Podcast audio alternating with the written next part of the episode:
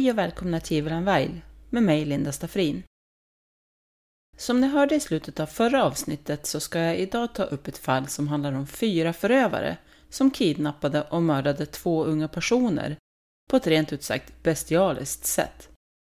Och jag tänker att jag kör igång direkt, helt enkelt.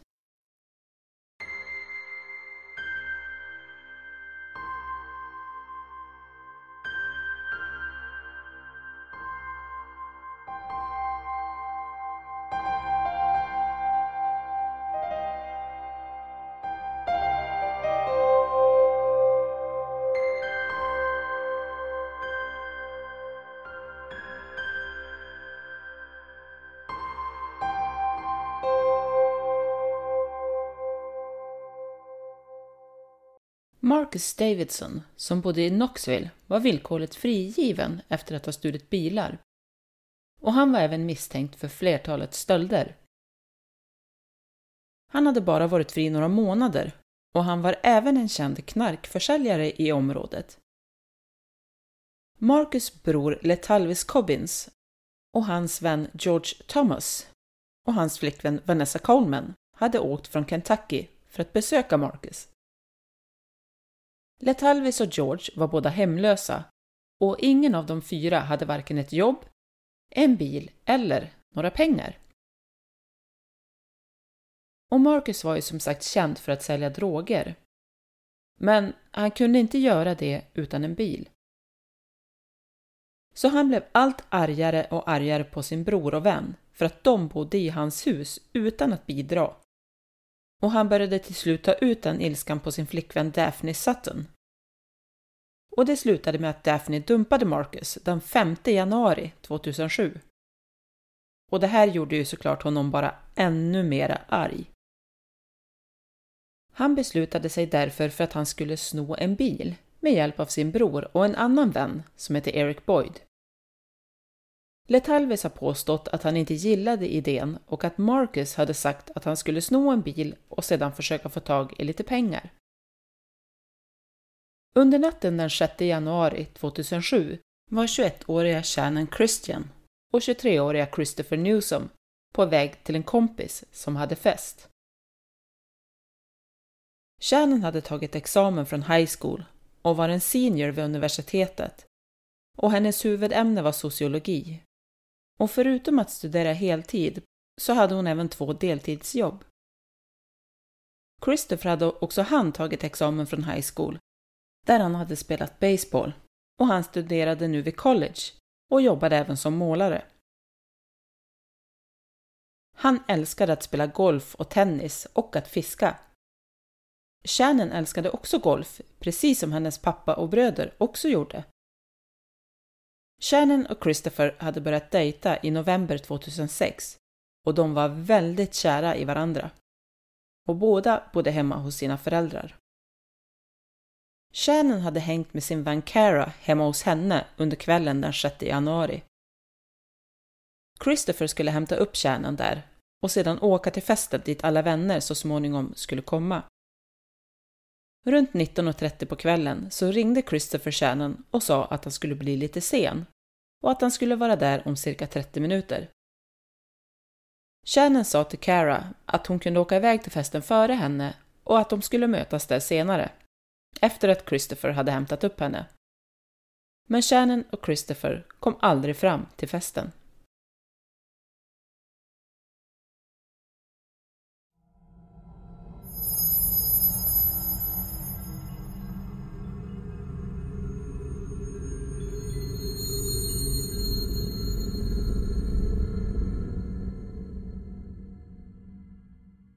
Shannon och Christopher var på parkeringen utanför Caras lägenhet när en bil kom framkörandes till dem.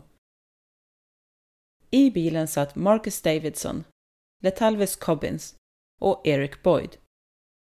Eric hade lånat bilen av en kusin. Shannon satt på förarplatsen i sin Toyota 4Runner och Christopher stod fortfarande utanför bilen och pratade med Shannon. Eric och Marcus hoppade ur bilen med vapen framdragna. De sa senare att de endast hade tänkt sno bilen, men att de hade sett strålkastare och blivit rädda och att de därför hade puttat in Christopher i Shannons bil och sedan själva hoppat in i den också. De band Shannon och Christopher med band som de hittade i Shannons bil och sedan puttade de ner Christopher på golvet och placerade Shannon ovanpå honom. Sedan körde Marcus hem bilen till hans hus som låg på Chipman Street och Eric följde efter i den lånade bilen de kommit dit med. Vanessa Coleman och George Thomas var kvar i Marcus hus när de kom dit med Shannon och Christopher. Och när de kom fram började alla att bråka med varandra. George och Marcus kände ju inte varandra så väl, då George var en vän till Marcus bror Letalvis. Marcus sa till George att han var tvungen att eh, göra någonting för att han skulle kunna lita på honom, eftersom han skulle vara tvungen att bli en del av det som skulle komma att hända. Så att Marcus kunde lita på att George inte skulle gå runt och berätta om det här för någon helt enkelt. De sa också till kärnan att de skulle släppa henne om hon gjorde som de sa. De tvingade henne till och med att ringa hem under pistolhot, så att hennes familj inte skulle bli misstänksamma.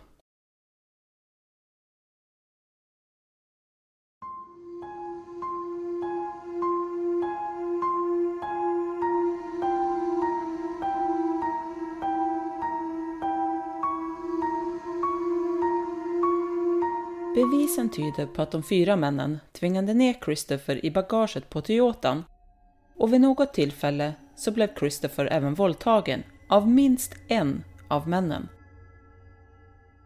Det har aldrig bevisats, men det finns en stor misstanke om att det var Eric Boyd som våldtog honom. Det är också oklart om han våldtogs i Toyotan eller inne i huset. De tog sedan Christopher till ett närliggande tågspår där de tvingade honom att gå barfota på spåren. De tryckte in en strumpa i munnen på honom och drog ett skosnöre runt munnen för att hålla den på plats. Han fick ögonen förbundna och en skjorta över huvudet. Ett hundkoppel hittades senare på den platsen och man tror att det har använts för att tvinga Christopher att gå på spåret. Marcus tvingade sedan George att skjuta Christopher. Det första skottet träffade honom i nacken. Och när Christopher föll framåt sköt George honom igen i ryggen. Sedan sköt Marcus Christopher i huvudet. Och de ska också ha skurit av Christophers penis.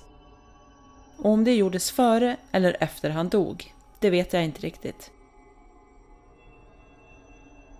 Ett vittne ska ha sagt att han eller hon hörde skott i den riktningen runt kvart i två på natten. En källa jag har hittat säger också att kärnen tvingade sig på när allt detta hände.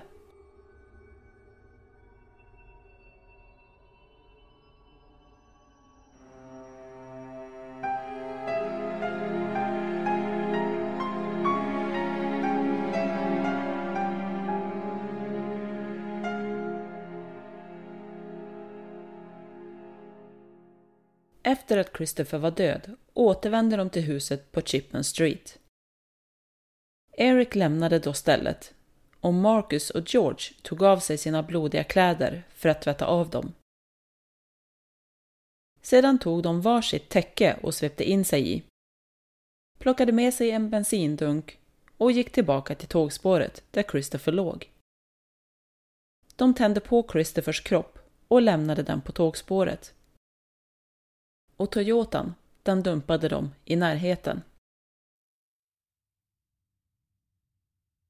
Letalvis gick sedan in i Marcus sovrum, där kärnen låg bunden. Letalvis lovade kärnen att han skulle släppa henne om hon gav honom en avsugning. Men han våldtog henne istället våldsamt, oralt, vaginalt och analt. Shannon blev sedan grovt misshandlad i vaginalområdet. Slagen och sparkad under lång tid vid ett flertal gånger. Och man tror att Vanessa Coleman deltog i den här misshandeln. Vid något tillfälle slog en av förövarna Shannon i huvudet också. Hon hade allvarliga blödningar från både det vaginala området och från huvudet.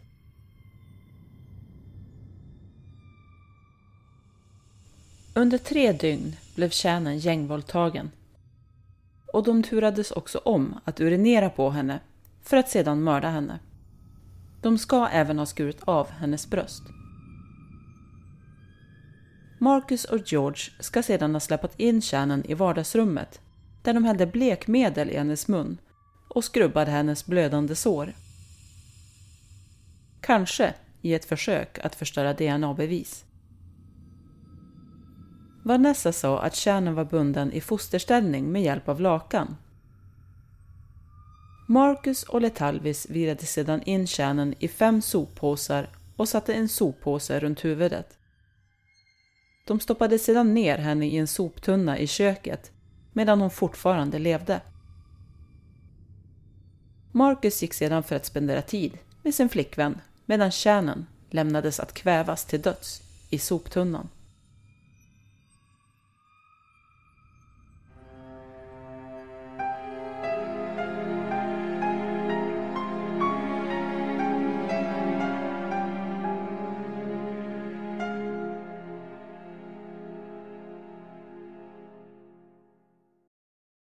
När Shannon och Christopher inte kom fram till festen de skulle på så började deras vänner ringa och smsa dem. Men utan att få något svar, såklart. Vännerna åkte tillbaka till parkeringen utanför Caras hus där de hittade Christophers bil, men inte Shannons. Marcus använde Christophers telefon och gick runt i hans skor en sopbil kom körandes längs Chipman Street runt 12.30 på natten och upptäckte att lamporna var tända på 2316 Chipman Street.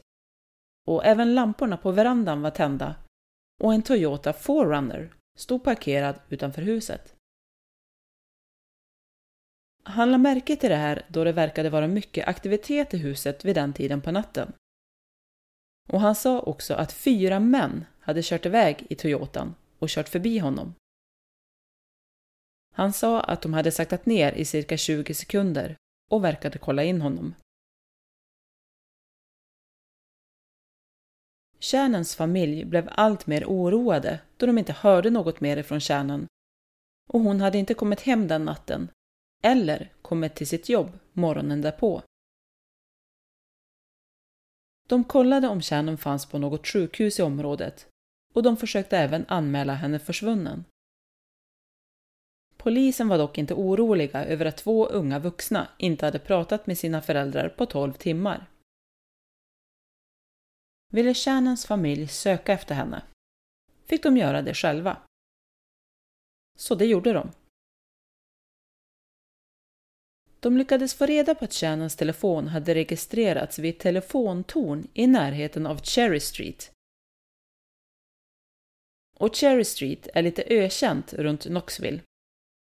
Det är ett område med mycket kriminalitet, droger och prostitution.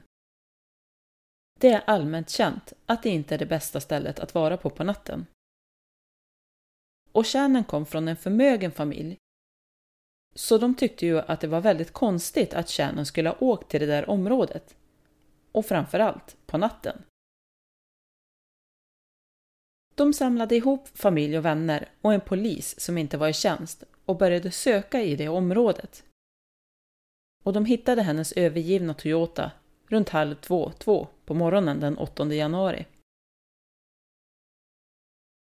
Shannons bil innehöll massor med bevis. Hennes nallebjörn, foton, mobilladdare och iPod och stickers som hade suttit på utsidan av bilen var borta. Kanske hade gruppen försökt rensa bilen så mycket som möjligt för att den skulle bli mindre igenkännbar. Framsätena hade också skjutits tillbaka så mycket det bara gick, så någon annan hade ju uppenbarligen kört bilen. Shannon hade inte kunnat nå pedalerna i det läget. Shannon var också väldigt noggrann med sin bil och höll den ren. Men nu var golven täckta med lera. Och ett cigarettpaket hittades också i bilen trots att varken Christopher eller Shannon rökte. Polisen kom dit runt fyra på morgonen och sa att okej, okay, nu kan vi börja söka efter Shannon.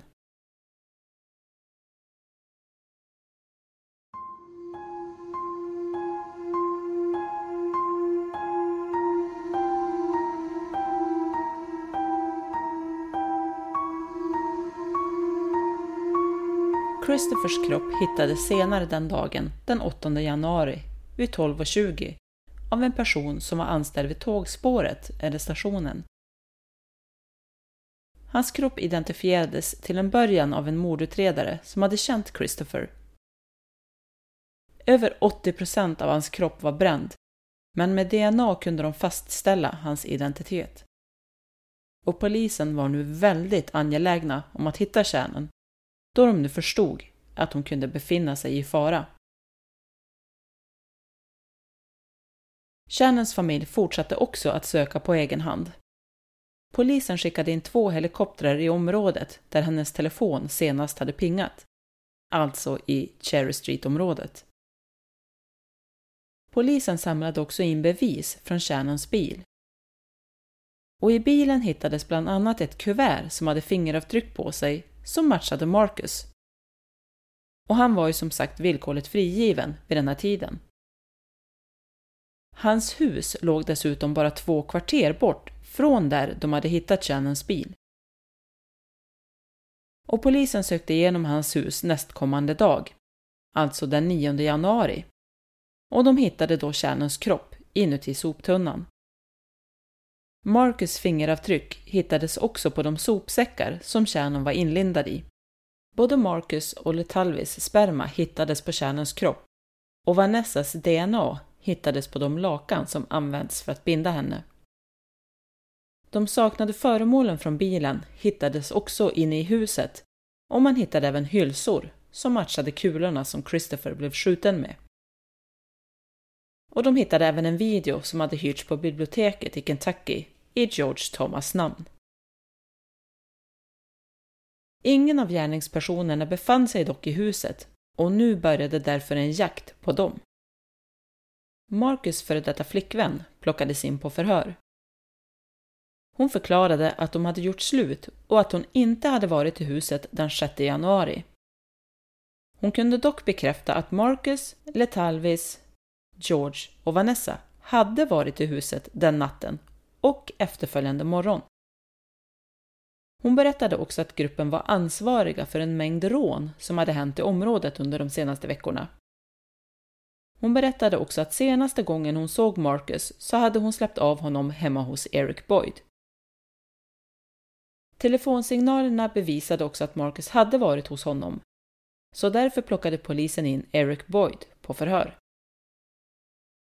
Han berättade att Marcus befann sig i ett övergivet hus och där greps Marcus den 11 januari. De hittade Christophers skor inne i huset och en 22-kalibrig pistol. Vittnen berättade också att de hade sett Marcus gå runt i hans skor. Alla gärningsmän skyllde på varandra under rättegången och menade att de själva inte hade haft någonting att göra med morden. De skvallrade dock på varandra och berättade vad de andra hade gjort. Men mängden bevis de hade lämnat efter sig var ju överväldigande. Och som tur är så sitter alla idag bakom lås och bom. Där de hör hemma.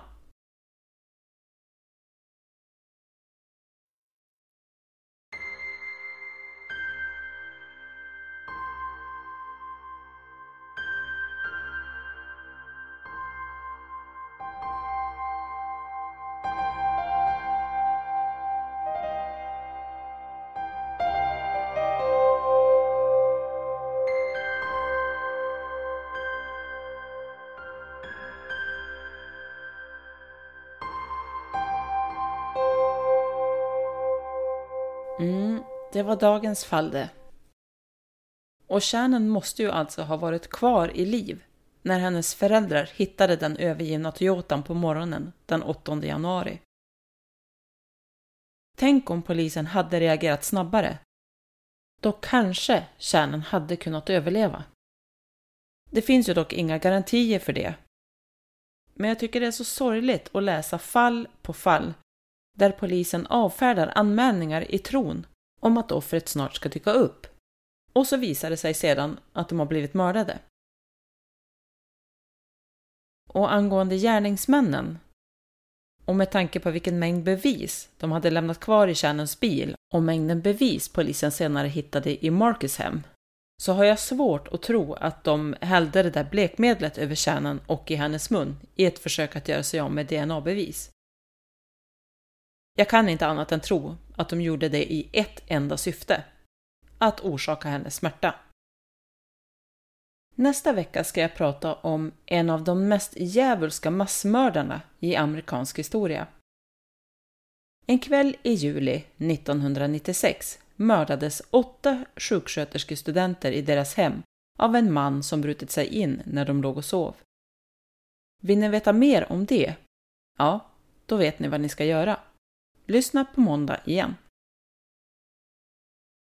Tack för att ni har lyssnat den här gången. Vi hörs igen nästa vecka. Ha det gott! Hej då!